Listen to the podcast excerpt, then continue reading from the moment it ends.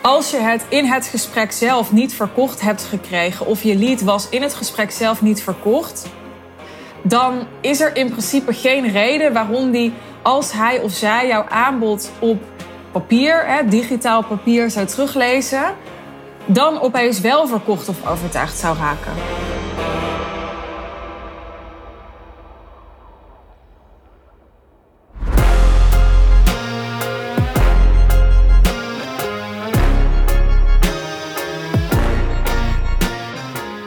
Ik heb weer een nieuwe drieluik voor je. Ik vind het super leuk om deze drie luiken. Drie luiks? Nee, drie luiks. Nee, drie luiken. Te maken. Waarom? Omdat het eigenlijk voelt alsof ik nog dieper op één onderwerp inga. Door die van verschillende kanten te belichten of op, op een thema inga. En um, ja, het creëert voor jullie natuurlijk ook een soort uh, mini-cliffhangers. Hoorde ik laatst van uh, Mirjam Hegger, die podcast-expert. Dat als je dus aan het einde van een podcastaflevering, ik had er nooit over nagedacht, maar eigenlijk wel heel logisch, al wat deelt over wat er in de volgende aflevering komt. Of je weet al wat erin komt, omdat het over hetzelfde thema gaat. Dat je interessant vindt, anders luister je de eerste aflevering niet. Ja, dan uh, kan dat ook uh, luisteraars beter vasthouden. Nu kijk ik echt zelden naar mijn statistieken, dus ik moet eerlijk zeggen dat ik nog geen idee heb of dat inderdaad uh, meer, nou ja, het geval was bij die afgelopen um, drie luiken die ik dus voor je heb gemaakt. Maar mocht je denken, waar heb je het over? Nou, dan zal ik je even bijpraten. Ik heb namelijk een drieluik gemaakt van aflevering 326, 327 en 328. En daarna heb ik weer een drieluik gemaakt van aflevering 331, 332 en 333. Nou, en deze aflevering waar je nu naar gaat luisteren, die heeft als onderwerp hoe ga je om met de vraag: wil je even wat voor me op papier zetten? Of een variant daarvan. dus kan ik dit aanbod wat je net hebt gedaan nog eventjes nalezen? Wil je me dat opsturen? Wil je me voorstel mailen? Nou ja, allemaal varianten van ongeveer hetzelfde. Daar ga ik je mijn visie op geven in deze aflevering. En in de volgende twee afleveringen ga ik in op twee andere sales gerelateerde vragen die ik um, vaker krijg van uh, klanten of andere ondernemers die ik spreek. En ik ga nu aan je verklappen welke dat zullen zijn. In de volgende aflevering ga ik in op wat doe je als een lead koffie met je wil drinken, omdat hij bijvoorbeeld persoonlijk met je wil kennismaken. Uh, wanneer wil je dat wel doen, wanneer wil je dat niet doen, uh, waar heb je rekening mee te houden, et cetera. En in de aflevering daarna beantwoord ik de vraag hoe je een payment plan, dus een betaling in termijnen, wel en niet wil aanbieden aan een potentiële klant. Dus alles over payment plans. Dus is dat interessant voor je? Stay tuned. In deze aflevering, je hebt een call gehad, een sales call gehad met een potentiële klant over een hoogprijsd aanbod van uh, 20, 30, 50, 100, misschien wel 500.000 euro.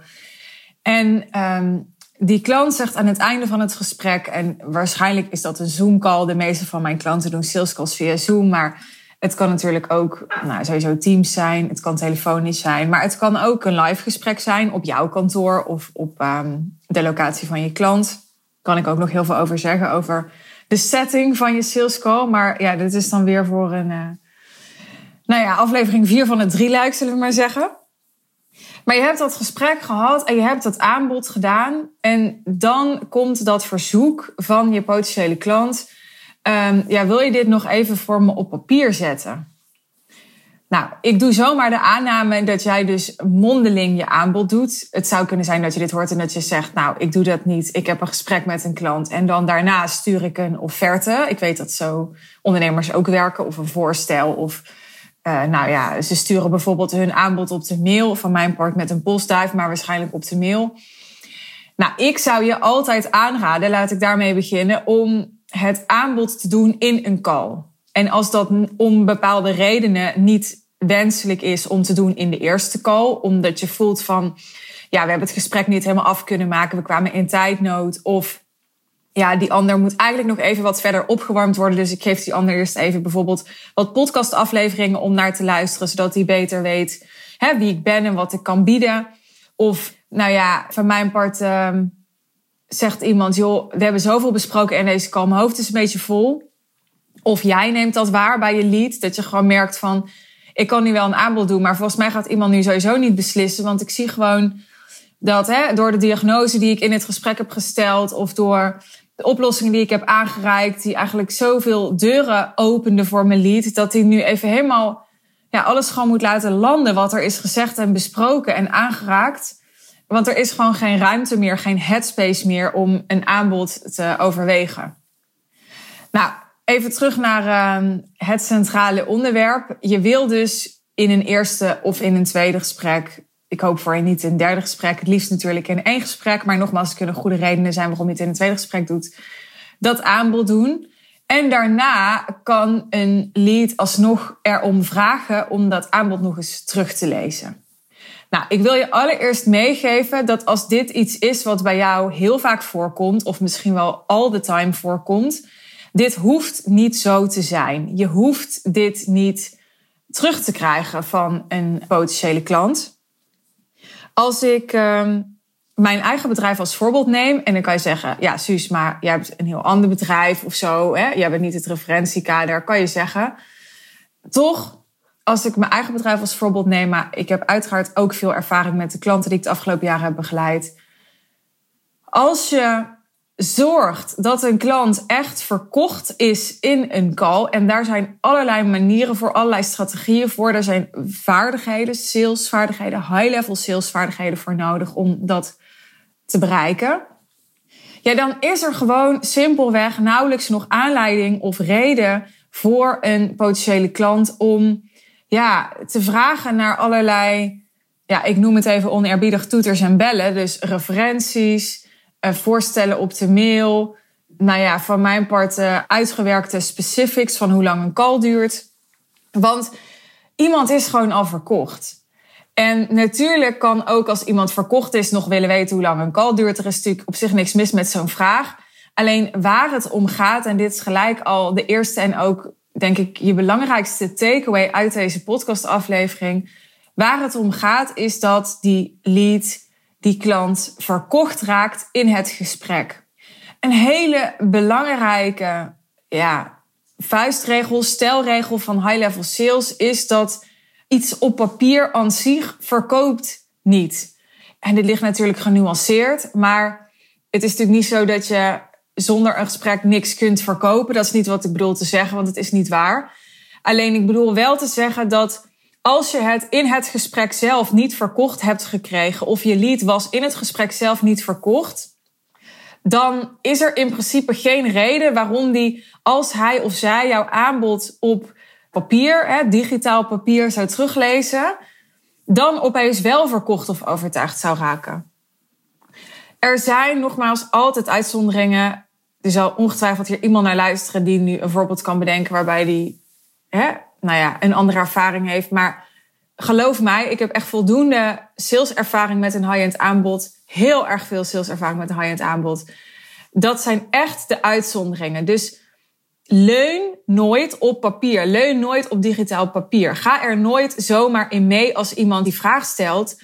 Omdat je misschien vanuit begrip voor die vraag denkt. Ja, hè, vind ik ook fijn als iemand een aanbod doet dat ik nog even kan lezen van wat houdt ook weer in en zo kan zijn dat jij het fijn vindt, maar het kan ook zijn dat jij het fijn vindt omdat je te weinig mensen spreekt die heel goed aan je kunnen verkopen in een gesprek. Want laten we eerlijk zijn, er zijn niet heel veel mensen die ja, hele goede high-level salesvaardigheden hebben.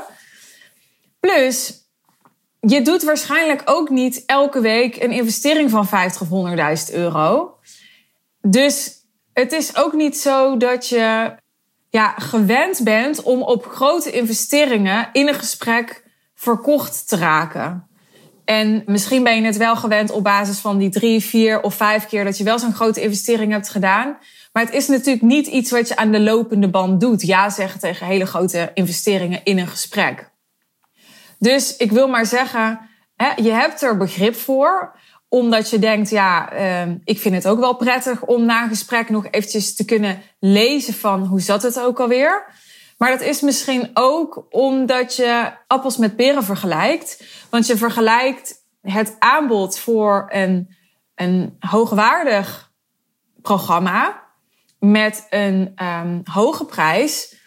Met iets wat misschien veel minder hoogwaardig is. Met een veel minder hoge prijs. En je denkt, je hebt misschien de mindfuck. Oh, hoe hoger de prijs, hoe meer reden of aanleiding voor iemand om heel zorgvuldig die beslissing te willen maken. En dus even na het mondelinge aanbod te kunnen nalezen wat het aanbod precies inhoudt.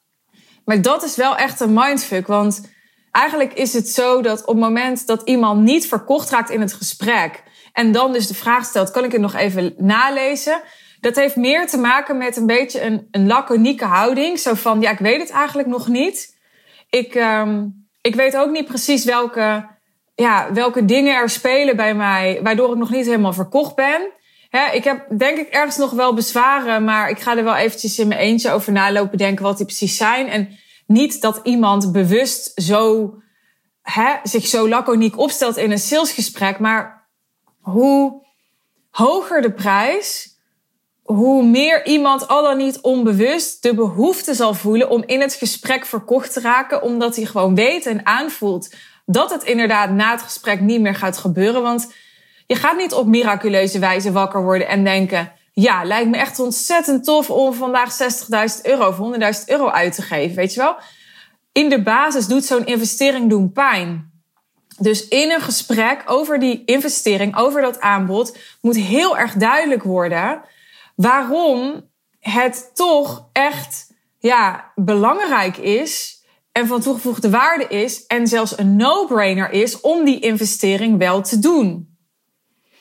En hoe hoger de prijs, hoe belangrijker dat die waardeomslag, zoals ik dat altijd noem, plaatsvindt in het gesprek. Dus dat iemand in het gesprek voelt dat wat die investering, dat aanbod gaat opleveren, veel groter gaat zijn dan de prijs die hij of zij gaat betalen. Dat noemen ze dan waardeomslag. Dus op het moment dat jij regelmatig die vraag krijgt, dan is er waarschijnlijk een verband tussen dat je echt nog wat te doen hebt in het ontwikkelen, het upgraden van je high-level sales skills zodat iemand al verkocht is, al ja kan zeggen, hooguit zegt van het is een grote investering, hè? ik wil nog heel even het laten landen, maar eigenlijk het gewoon al weet. Als ik voor mezelf spreek, ik heb mezelf inmiddels ook aangeleerd, met dank aan mijn vriendin Jeannette, die me meer geleerd heeft over mijn eigen human design. Het schijnt bij mijn human design te passen om een nachtje na te denken over grote beslissingen. Nou, dat kan je doen na een aanbod, maar vergis je niet een nachtje slapen kan ik ook al doen voordat ik een sales call met iemand heb. Dus als ik echt ja, goed nadenk over ja, of ik die investering wil doen en hè, of het goed voelt om met iemand te werken, dat kan ik ook al doen voor die sales call. Dus dat betekent niet dat als je human design zo in elkaar zit, dat je altijd per se na het aanbod een nachtje hoeft te slapen. Maar goed, ik heb mezelf wel aangeleerd. Je kan dat ook horen trouwens in. Ehm, uh, een paar podcastafleveringen terug, de aflevering waarin ik omschrijf hoe ik tot de keuze voor een, een, nieuwe coach kwam voor mijn boekproject. Daarin deel ik dat ook. Maar ik heb mezelf aangeleerd om er een nachtje over te slapen. En tegelijkertijd is het zo dat ik, nou ja, 9 van de 10 keer echt in een call al wel weet dan, ja, ik ga dit doen. Dan ga ik er even over slapen. En in een enkel geval, dat hoorde je ook in die paar afleveringen terug uh, kom ik dan tot nieuwe inzichten. En terecht, denk ik. Het is trouwens ook heel interessant om hier eens op in te gaan met je. Want dit gebeurt waarschijnlijk bij jouw leads ook. Dat je een call met ze hebt, gaan er even over nadenken. Daarna komen ze toch tot nieuwe inzichten of bezwaren en zeggen ze uiteindelijk nee. Dat wil niet altijd een definitieve nee betekenen. Want als ik voor mezelf praat, op het moment dat ik een aanbod een nachtje laat bezinken en ik denk daarna of na twee dagen hmm, ja, hè, um, er zijn eigenlijk wel redenen ook om het niet te doen. Of om nog eens ja, eh, te kijken voor iets anders of zo. Ja, dan realiseer ik me dat dat niet is omdat ik onvoldoende aan dat aanbod zou kunnen hebben. Of dat het aanbod niet goed genoeg is. Niet eens per se dat het aanbod niet bij me past. Maar ik ben er nog niet verkocht op. En dat kan ook betekenen dat het aanbod wel heel goed bij me past en me wel heel veel gaat opleveren. Alleen, hè, in de dynamiek die ik had met de persoon, de ondernemer die het aan me wilde verkopen, ben ik niet verkocht geraakt. En dat lag misschien aan mij, misschien aan de dynamiek, misschien aan degene die het wilde verkopen. Maar realiseer je dus dat als je hele goede high-level sales skills hebt en heel goed weet hoe je aan iemand moet verkopen, daarmee bedoel ik niet pushen, daarmee bedoel ik niet manipuleren, daarmee bedoel ik niet dingen die niet integer zijn, maar gewoon goed verkopen is juist heel erg wat mij betreft integer verkopen. Maar integer verkopen betekent ook erkennen dat die ander nog niet verkocht is en dan als ondernemer, als verkoper je verantwoordelijkheid daarvoor nemen en dus zoeken naar wat heeft die ander dan nog nodig om wel ja, helemaal verkocht te raken op dit aanbod en ervan overtuigd te zijn dat het nu heel slim is en belangrijk is en aantrekkelijk is om op dat aanbod in te gaan. Iemand heeft nog iets nodig, heeft nog informatie nodig, heeft nog vertrouwen nodig, heeft nog iets nodig. En natuurlijk, tot op zekere hoogte hè, wil je dat aan iemand geven. Want ja, als je heel iemands kindstukken in een uh, sales call moet gaan processen, verwerken, helen, voordat iemand ja, voldoende van je heeft gekregen om ja te kunnen zeggen, voldoende vertrouwen heeft. Ja, dat gaat natuurlijk te ver. Hè? Dat, zover reikt jou, jouw taak, jouw rol niet, zou ik willen zeggen. Maar dat voel je wel aan. Ik denk dat je zelf wel aanvoelt. Dat geldt voor mij in ieder geval wel. Ik voel vaak wel aan, oké, dit is iemand die heel graag wil. Die ook echt in staat is to make this work, to make this happen. Om die investering te doen, maar ook om er hele goede resultaten mee te halen. Alleen, hè, we moeten nog een drempel over. Die ander moet nog een drempel over. En ik heb, heb hem of haar daar nog bij te begeleiden. En dat probeer ik dan naar eer en geweten zo goed mogelijk te doen. Dat is iets anders dan dat je denkt, jeetje, ik heb nu al links op de deur geklopt, rechts, weet je wel. Van boven gezwaaid, eh, van onder een duwtje gegeven. En ik krijg gewoon geen beweging in die lead, weet je wel. Het is iemand die zo erg denkt in problemen in plaats van mogelijkheden en zo. Nee, dat, ja, dan laat je iemand gewoon los op het moment dat je merkt van, hè, er, er, we zijn al een tijd in gesprek, maar we, we komen nauwelijks verder. Hè, dat wil je niet. Dat is ook geen goede voorbode voor jullie samenwerking. Dus zorg dat je de vaardigheden leert. Nou ja, en daar heb ik een, hele dag over gepraat op mijn uh, event vroeger. Daar kan ik nu nog hele dagen over praten. Dus als je daar meer over wilt leren, dan, uh, dan ga met me werken. Dan kan ik je daar echt alles over leren. Maar ga hele goede high-level sales skills leren. Zodat iemand al verkocht raakt in het gesprek. Dat is mijn allerbeste advies, mijn allerbeste tip. Daarnaast, als je dan toch die vraag krijgt, vraag dan aan de persoon die jou die vraag stelt: Goh, hè, wat ga je dan doen met dat wat op papier staat? En niet vanuit een, een hoezo wil je dat? Of waarom moet ik het nog een keer opschrijven? Dus niet vanuit verontwaardiging of verdediging of irritatie, maar vanuit nieuwsgierigheid, vanuit oordeelloosheid. He, dus wat ik altijd denk is, ik heb net mijn aanbod gedeeld. Mijn aanbod is niet heel ingewikkeld. Ik hou van simpel. Um, we hebben het gehad over wat dat aanbod je kan opleveren. Welke oplossing ik je kan bieden met dat aanbod. Welk perspectief ik voor je zie. En waarom het belangrijk voor jou is dat dat perspectief gerealiseerd gaat worden. Ja, ik denk dan, ik wil het dan prima op papier zetten. Maar, maar wat gaat dat dan doen voor jou? Hè? Wat, wat, wat ga jij daaraan hebben? Dus ik probeer dan vanuit nieuwsgierigheid te achterhalen. Hoe is iemands beslissingsproces dat het daadwerkelijk zinvol is voor iemand om wat op papier te zetten. Want ik wil, nou ja, in de basis wijze van spreken alles doen. Alleen, hè, dit is ook waarom ik ondernemer ben geworden en niet zo goed in loondienst kon werken. Op het moment dat ik niet voel of ervaar of zie waarom iets zinvol is, dan is het best moeilijk om me in beweging te krijgen. Dus ik wil eigenlijk dan dat de ander mij ervan overtuigt waarom het zinvol is dat ik dat ga doen. En dan wil ik dat best doen. Maar het moet wel in verhouding zijn, weet je wel. Ik, ik moet niet het gevoel hebben dat die ander mij aan het werk zet uit een soort gewoonte, omdat hij bijvoorbeeld gewend is om die vraag te stellen. Of omdat hij, ja, eigenlijk, als we eerlijk zijn, te lui was om mee te schrijven. Of omdat hij, ja, misschien überhaupt wel niet helemaal goed heeft opgelet of zo. Of wat allemaal mag en kan. Ik bedoel, we're all human. Ik heb daar ook weer geen oordeel bij. Alleen, dan moet wel dat gewoon in alle eerlijkheid besproken kunnen worden. En ook hoe kwam dat dan? Want ja, als iemand het gewoon niet interessant genoeg vond om heel goed op te letten, Terwijl iemand op het punt staat om een hele grote, maar vooral belangrijke investering te doen in zichzelf of in zijn of haar ja, ambities en verlangens, ja, dan, dan gaat er iets niet helemaal goed. Dus probeer te achterhalen wat die ander gaat doen met datgene wat jij gaat aanleveren.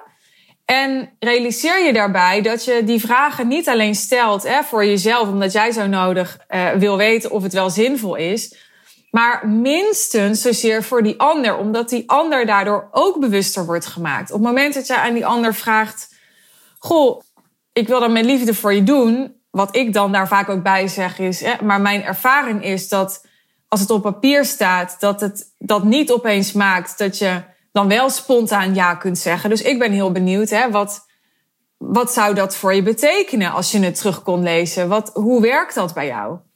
Wat ik daar vaak bij zeg is, mijn ervaring is namelijk dat. Dus zoiets kun je zeggen. En dat zijn van die goede zinsconstructies om te zeggen, is mijn ervaring. Ik zeg het nog een keer omdat je daarmee niet doet alsof jij weet hoe dat voor de ander werkt, maar je gaat heel erg uit van jezelf. Je laat ook zien dat je ervaring hebt met dit soort processen, hè, dat je daar bekend mee bent. En je bent eerlijk, je durft het wel te zeggen. Anderen die denken het misschien alleen, hè, die denken, jezus, heb je weer zo iemand die, die vraagt om zo'n voorstel en, en die worden toch nooit klant, weet je wel? Nee, je benoemt het. Je zegt, mijn ervaring is dat het niet extra overtuigingskracht heeft. Dus als er op dit moment iets is wat nog onduidelijk voor je is of waar je nog over twijfelt, dan stel ik voor dat we het er nu nog even over hebben. Of als dat praktisch vanwege tijd bijvoorbeeld niet meer mogelijk is, dan zeg je, joh, ik begrijp dat er nog wat, hè, wat twijfels of wat zorgen bij je zijn en ik wil het daar graag met je over hebben. Laat dit gesprek even landen en morgenochtend bel ik je nog even of zo. Hè, dus zoek naar een manier waarop je toch op de best mogelijke manier aan die ander kan verkopen. En hou daarin zelf regie. Dus de best mogelijke manier is heel vaak niet wat die ander van je vraagt. En daarmee wil ik ook niet zeggen dat je per definitie geen gehoor geeft aan wat die ander van je vraagt.